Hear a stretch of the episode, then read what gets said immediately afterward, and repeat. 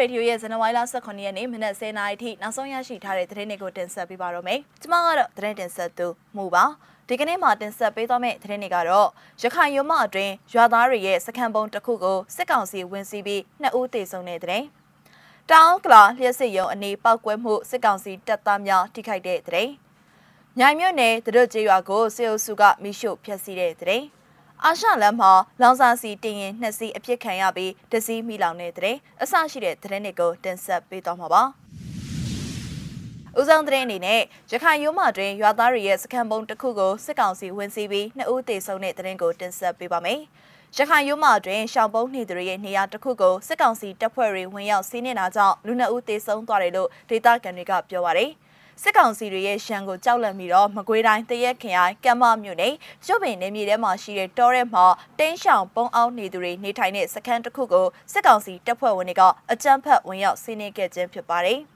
ကမ်းမနယ်တွေကအတင်းကျပ်စစ်သားစုတာကင်းဆောက်ခိုင်းတာတွေကြောင့်တောထဲဝင်ပြီးတော့ပုံရှောင်နေသူတွေရဲ့စခန်း PDF တချို့ကလုံခြုံရေးရှုပေးတဲ့အဲ့ဒီစခန်းအတိုက်ခံရတာလို့ဒေသခံတအူးကပြောပါတယ်ဇန်နဝါရီလ14ရက်နေ့မနက်9:00နာရီမှာတက်မောင်ကိုအချို့ကစစ်ကောင်စီကိုသတင်းပေးလိုက်တာကြောင့်ဒေသအခေါ်သုံးမြေစုံဒေသရသေးတောင်အနီးမှာရှိတဲ့စခန်းပုံတစ်ခုစီးနင်းခံရခြင်းဖြစ်တယ်လို့တရက်ကံမှပူပေါင်း PDF အဖွဲ့မှတာဝန်ရှိသူတအုပ်ကပြောပါတယ်။စစ်ကောင်စီတပ်ဖွဲ့တွေနဲ့ပြစ်ခတ်မှုဖြစ်စဉ်အတွင်းတိတ်ရှောင်နေသူတွေကိုလုံခြုံရေးရှုပေးတဲ့တူမီကိုင်နှစ်ဦးကြာဆုံးခဲ့ပါတယ်။ ဒါအပြင်အမျိုးသား2ဦးအမျိုးသမီး2ဦးတို့လည်းဖမ်းဆီးခံလိုက်ရပြီးတော့လက်လုံမိုင်းတွေမိုင်းပြုတ်လောက်ရာမှာအသုံးပြုတဲ့ပစ္စည်းတွေနဲ့တနက်ရှစ်လက်တို့ကိုလည်းစစ်ကောင်စီတပ်ကတင်ဆက်သွားတယ်လို့သိရပါတယ်။အခုဝင်ရောက်စီးနှင်းခံရတဲ့တင်းရှောင်စခန်းဟာဒေတာရင်းစစ်ကောင်စီကိုတော်လှန်နေတဲ့ကမ္မတရက်ပူပေါင်း PDF အဖွဲ့ရဲ့စခန်းမဟုတ်ဘူးလို့ဒေတာကန်တွေကပြောပါတယ်။အဝိုင်းခံရစဉ်ကလွမြောက်လာသူအသက်30အရွယ်ကိုမောင်စုကအိမ်မှာတစ်တွေကတရာချီရှိတဲ့ဟို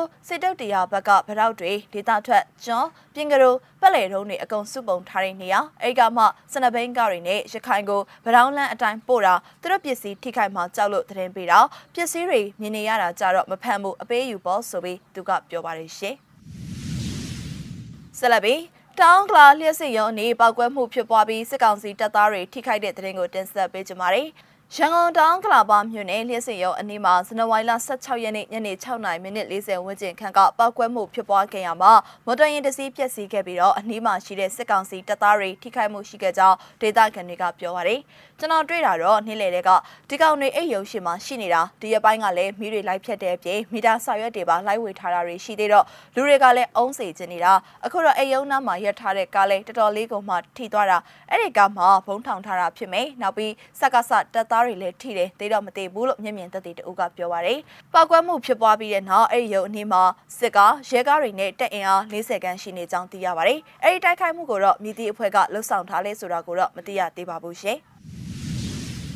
ဆက်လက်ပြီးမြိုင်မြို့နယ်တတို့ကျေးရွာကိုစေအုပ်စုကမိရှုဖျက်ဆီးတဲ့တဲ့ရင်ကိုတင်ဆက်ပေးပါမယ်။ မကွေးတိုင်းမြိုင်မြို့နယ်အနောက်ပိုင်းမှာရှိတဲ့တတို့ကျေးရွာကိုအကြမ်းဖက်စေအုပ်စုကဝင်ရောက်မိရှုဖျက်ဆီးခဲ့တာကြောင့်ပြည်သူတွေရဲ့နေအိမ်25လုံးမိလောင်ပျက်စီးခဲ့ရတယ်လို့ဒေသခံတွေကပြောပါတယ်။ဇန်နဝါရီလ16ရက်နေ့မနက်9:00နာရီခန့်မှာစေအုပ်စုကအကြောင်းမဲ့ဝင်ရောက်ပြီးမိရှုဖျက်ဆီးခဲ့တာလို့နေဦးတော်လိုင်းရေးမြိုင်ကသတင်းထုတ်ပြန်ထားပါတယ်။တတို့ကျေးရွာကိုမိရှုဖျက်ဆီးပြီးတဲ့နောက်မှာစေအုပ်စုကနေ့လယ်7:00နာရီခန့်မှာလည်းညောင်ပင်နယ်ကျေးရွာကိုဝင်ရောက်မိရှုဖျက်ဆီးခဲ့ပါသေးတယ်။အကြမ်းဖက်စေအုပ်စုဟာမြိုင်မြို့နယ်အတွင်းကကျေးရွာတွေကိုနေမြေရှင်းလင်းရေးအကြောင်းပြကဝင်ရောက်ဖျက်ဆီးမိရှို့တာဒေသခံတွေရဲ့နေအိမ်တွေကိုဖောက်ထွင်းပြီးအဖိုးရန်ပစ္စည်းတွေကိုခိုးယူတာတွေစတိုက်ကျူးလွန်နေပါတယ်။စေအုပ်စုဟာကျေးရွာတွေကိုဖျက်ဆီးရုံသာမကဒေသခံအပြစ်မဲ့ပြည်သူတွေကိုဖမ်းဆီးတပ်ဖြတ်တာတွေလှုပ်ဆောင်နေတာကြောင့်စေအုပ်စုရဲ့စစ်ကြောင်းထိုးတဲ့နေရာတလျှောက်မှာရှိတဲ့ကျေးရွာတွေကဒေသခံပြည်သူတွေဟာထွက်ပြေးတိမ်းရှောင်နေရပါတယ်ရှင်။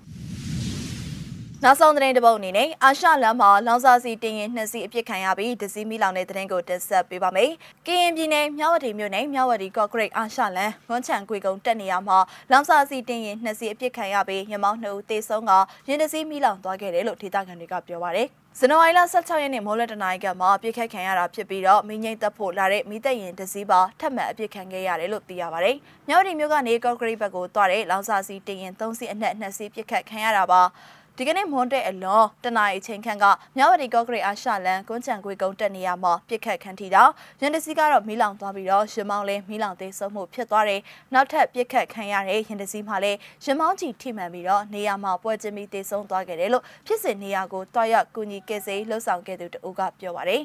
မြဝတီကော့ဂရိတ်လမ်းမှာပြီးခဲ့တဲ့ရက်သက်တပတ်အတွင်းရခုတစ်ကြိမ်ပါဝင်နောက်စားစီတင်ရင်တွေပြစ်ခတ်ခံရမှုမှာ၄ကြိမ်အထိရှိခဲ့ပြီဖြစ်ပါတယ်။ မြဝတီကော့ဂရိတ်အာရှလမ်းမပေါ်လောင်စာစီအပါအဝင်စစ်ရေးကိုအထောက်အကူပြုစေမဲ့လှုပ်ဆောင်ချက်မှန်သမျှကိုမလှုပ်ဆောင်ဖို့ KNU ကသက်ဆိုင်ရာအသီးသီးကိုအသိပေးထားပါတယ်ရှင်။